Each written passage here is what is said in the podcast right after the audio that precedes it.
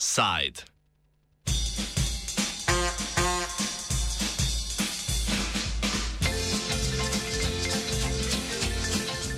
Uber drama.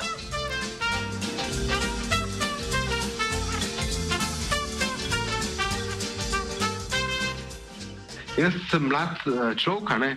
Uh, digitalno usmerjen, moja vizija, bom rekel, je zelena, digitalna.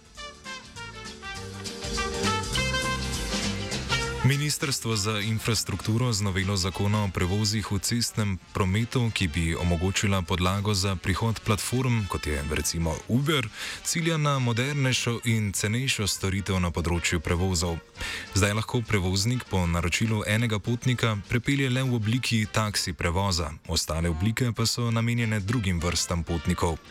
Slovenski taksi prevozi so podrobno regulirani, saj taksisti za opravljanje svojega dela potrebujejo upravljeno licenco na državni ravni, dovoljenje lokalne skupnosti, posebej označeno vozilo, račun pa se lahko izda le na podlagi taksimetra. Novela zakona omogoča tudi najem vozila z voznikom in možnost taksi prevozov z uporabo aplikacije. Tako bo v rokah prevoznika, ali bo to vrstne prevoze izvajal z uporabo aplikacije ali z do zdaj ustaljenim taksimetrom. Zahteva ustrezne licence za prevoz potnikov ostaja. Taksimeter se sicer ministrstvu kot zahteva za dodatno zaščito zdi nepotrebna, saj sta cena in pot prevoza prek spletnih platform dogovorjena vnaprej.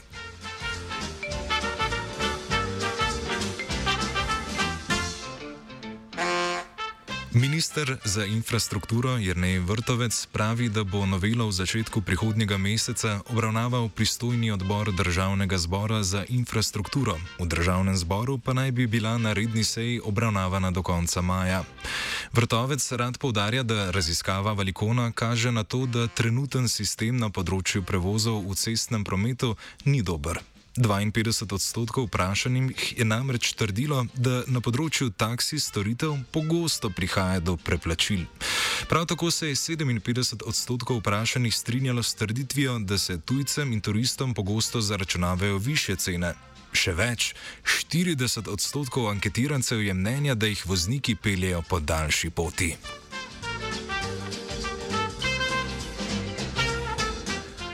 Minister želi omogočiti sistem, ki bo zagotavljal preglednost in predvidljivost, kar mu je pri tovrstnih aplikacijah v zadovoljstvo, predvsem ko se mudi na poslovnih potovanjih. Taksi reforma, kot jo sam imenuje, zagotavlja večjo učinkovitost. Torej, če večina meni, da se tujcem in turistom ne, zaračuna preveč, torej potrebno omogočiti sistem, ki bo pač zagotavljal preglednost, tudi predvidljivost. Uh, jaz tudi nisem uporabnik teh aplikacij in naj povem, da sem zelo zadovoljen uporabnik, ko greš ven in pogrešam to doma. In zdaj, če se dogaja, da ljudje ne dobijo računa, uh, je pač vse te stvari potrebno, potrebno urediti. Zato so pač razlogi tudi, da smo mi sami šli v to spremembo, obsežno spremembo zakonodaje, tako imenovano taksi reformo, ki omogoča, bom rekel, to digitalno Slovenijo, ki pa je pregledna, ki bo učinkovita, ki zagovarja dodatno mobilnost, ki zagotavlja plačevanje davkov in tako naprej. Vrtovec zatrjuje, da so v ta zakon dodali vse socialne varovalke, ki onemogočajo izkoriščevalski sistem. Hkrati zagotavlja, da bo ta aplikacija povezana s Fursom, kar naj bi vplivalo na to, da bo več denarja ostalo v državni blagajni. Uh, zgledovali smo se po razvitih državah, Eh, s tem, da smo v, dali v ta zakon vse socialne varovalke, ali se razumemo. Ne? V ničemer ne bi šlo v tem primeru za tako imenovani izkoriščevalski sistem uh, in tako naprej, ampak naprimer, tisti voznik, ki bo pravilo vožnjo preko aplikacije ali pa tisti, ki bo uh, izvajal vožnjo preko taksimetra še naprej, bo imel enake pogoje. Moral bo biti zaposlen, ali pa upravljati preko delo preko SP-ja, podjemne pogodbe, karkoli, ampak danes so to vsi taksisti, uh, oziroma velika večina njih. Uh, in na drugi strani ta direktna aplikacija bo povezana z našim fursom. Mi smo usklajevali ta zakon z Ministrstvom za finance, kar pa pomeni, da bo več denarja ostalo v naši blagajni, zato ker ne bomo odvisni od vsakokratnega računa, ki ga nekdo stiska ven, ampak si odvisen na koncu obklukanja, da v zvožnju sem bil zadovoljen. Uh, in se pravi, vse stvari ostajajo iste, samo res dajemo možnost aplikacije. Zakaj je novela zakona o prevozih v cestnem prometu za delavce v panogi problematična, razloži Saška Kjara Kumer, generalna sekretarka Sindikata delavcev prometa in zvez Slovenije, ki hkrati opozori na težave, s katerimi so se soočale druge države v tovrstnih situacijah. Prvo kot prvo, ta reforma zakona o prevozih v cestnem prometu nima nikakršne veze z digitalizacijo. Tako, vedno se predstavlja, da s tem prehajamo v 21. stoletje in tako, ampak edina sprememba, ki je predlagana, je samo ta, da bi cena, poleg te predvidljive cene, ki jo določi taksimeter, uh, da bi se sedaj lahko določila v znesku glede na ponudbo in povpraševanje. To se pravi, te aplikacije, s katerimi naročamo in spremljamo vozilo in plačamo storitev, obstajajo že zdaj. Tako da razlog ni digitalizacija, ampak je v bistvu prilagajanje naše zakonodaje tem multinacionalkom, ki imajo drugačen poslovni model, to se pravi ta model brez taksimetra.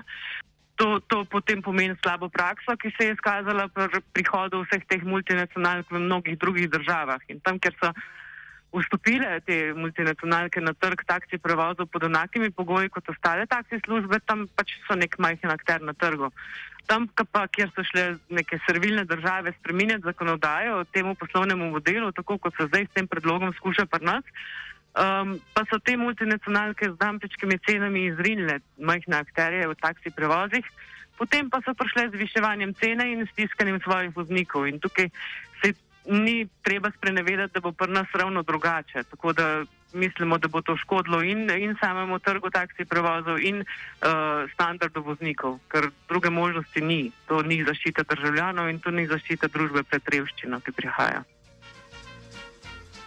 Kumer dodaja, da kljub lanskoletnim pogajanjem z ministrstvom o vključenosti v delovne skupine za pripravo novega zakona, do sodelovanja v praksi na to ni prišlo. Ne, mi smo že v lani eh, imeli neka pogajanja oziroma pogovore z ministrstvom, da bomo vključeni v delovne skupine pri spremembah eh, zakonodaje, kadar bojo prišle. Do tega potem ni prišlo, se pravi, v spremembe zakonodaje nismo bili vključeni nikakor. Eh, sam zakon je šel tudi mimo pravil ekonomsko-socialnega sveta in je šel direktno na vlado in potem seveda tudi naprej v državni zbor.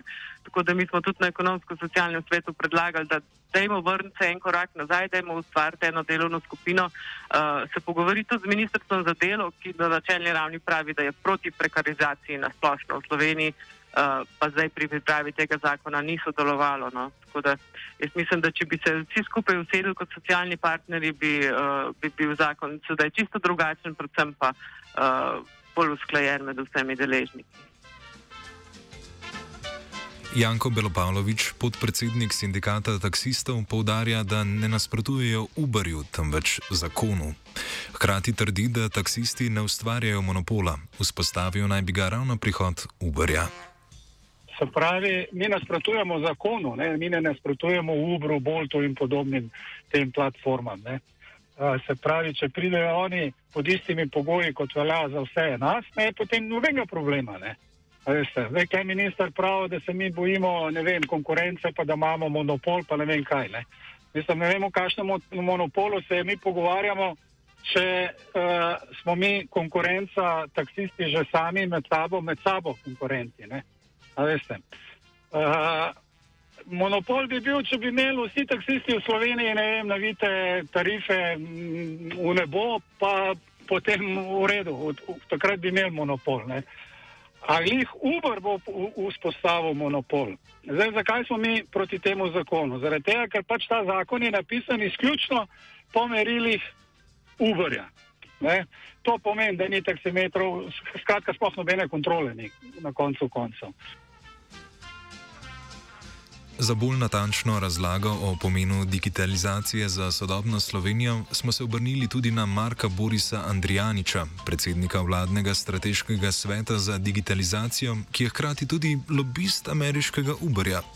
Na klic se je sicer odzval, a dejal, da se z namenom izogiba kakršnim koli konfliktom izjav na to temo ne daje.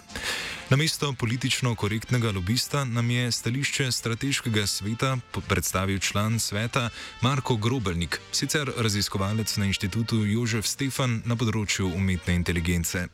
Grobelnik o aplikacijah taksi služb, za katere pravi, da so se v zadnjih letih spremenile na boljše, kar pa, tako Grobelnik, še ne pomeni, da so vse možne inovacije na področju spletnih platform taksi prevozništva tudi dejansko implementirane poznam podobne servise, ki so v tujini. Ne, uh, zdaj, da v Ubru se govori, ampak Uber je samo eden izmed mnogih. Ne, če smo v New Yorku ali pa San Franciscu, je tam jih nekaj, ne, ki tekmujejo z, vem, z Ubrom ne, uh, ali pa Lyft in ostale. Torej, zdaj, kaj bi rekel tukaj? Ne?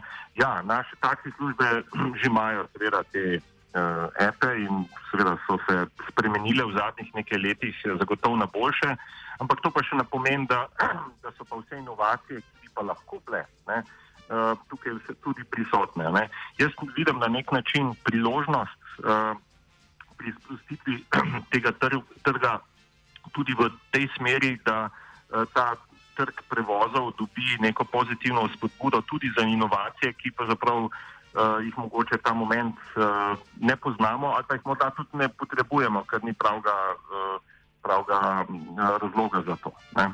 Teh inovacij pa je možnih kar nekaj. Ne, Dejstvo, da je predsednik vladnega strateškega sveta za digitalizacijo hkrati tudi lobist ameriškega Uberja, sumničavo nakazuje na poskus vstopa Uberja na slovenski trg. Marko Grobelnik meni, da gre pri noveli zakona zgolj za odpiranje trga, ter da v primeru Uberja ni šlo za lobiranje. Meni se zdi skoraj malo verjetno, da, eh, da se to lobira na tak uh, temačen način, recimo, kot se govori v medijih. Dvomim, lahko tudi da je, ampak zelo dvomim, da je tako. Zdaj, vsaka stvar, vsaka stvar ki, kjer se nekaj spremenja, seveda ima v zadju lobiste, take, ki se imenujejo lobisti, ali pa tudi taki, ki se ne imenujejo lobisti, pa vseeno vplivajo. Uh, torej, težko komentiram na to, uh, ali zdaj jaz mislim, da ta zadeva ni mišljena za to, da bo zdaj Uber prišel, uh, vseh ostalih pa ne. Pač samo trg se odpre, kot sem pa rekel, da imamo pozitivno pogled. Pozitivno pogled je pa to, da je to pravzaprav prilika, da se uh, izboljša najprej življenje nas uporabnikov, na drugi strani pa. Zapravo, da se tudi motivira, recimo, ostale eh, taksi službe ali pa prevoze v vseh možnih eh, variantah, eh, da se premaknejo mogoče še korak, dva, tri naprej. Ne. Predsednica sindikata Mladi Plus Teja Jarc opozarja na zmanjšanje standarda delovskih pravic in prekarizacijo, ki bi jo preneslo sprejetje takšnega zakona. Je v bistvu je že iz samega predloga zakona jasno, da je ta zakon napisan iz dveh razlogov in to je seveda, da se zmanjša standard delovskih pravic in da se seveda pripelje v to državo Uber, torej korporacijo, ki je znana potem, da ne spoštuje delovskih pravic, da sebe ne priznava kot delodajalec, kljub temu, da vozniki Uberja tam morda delajo 8 ur ali več na dan in da jim to prinaša edini zaslužek. In hkrati korporacijo, ki je znana potem, da ne plačuje davkov oziroma pač deluje v državah, kjer, um, ki so v bistvu davčne oaze. In torej prihod Uberja prinaša veliko nevarnost za to, da se bo v Sloveniji še bolj razširilo prekarno delo, um, nestanovito delo in v bistvu, da se zniža torej neke standarde, ki se zdaj veljajo. Taksisti so na sprejetje novele zakona pripravljeni, a Belopavlović ni ravno prepričan, da bodo s premembami zadovoljne tudi stranke. Mi smo pripravljeni, ja, veste, kot taksisti. Ne? Da vam povem, če bo zakon sprejet, ne? če bo zakon sprejet, drug dan, drug dan bomo mi delali po novem zakonu. Drug dan bomo vam pometali taksimetre, pa bomo delali tako. Na, na dogovorjeno ceno, na popraševanje, na gužo. Ne? In vi boste, ne vem, sneg bo padel, dež bo padel, kako koli uh, boste rabili nujno taksi, mi bomo imeli gužo, me boste poklicali ne?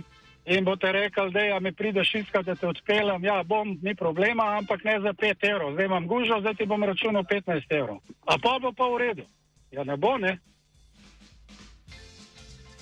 Tako kot so taksisti pripravljeni na sprejetje zakona, smo tudi mi pripravljeni, da nas prekarnost ne bo presenetila. To za nas namreč ne bo prav nič novega.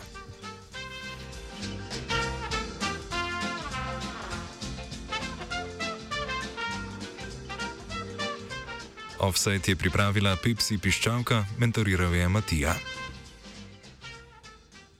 Da ne govorimo o tem, kako bojo stari ljudje, mislim, ki že na bankomat gre težko, pošlje raj vnuka, kako, bo, kako bojo uporabljali to. Ne.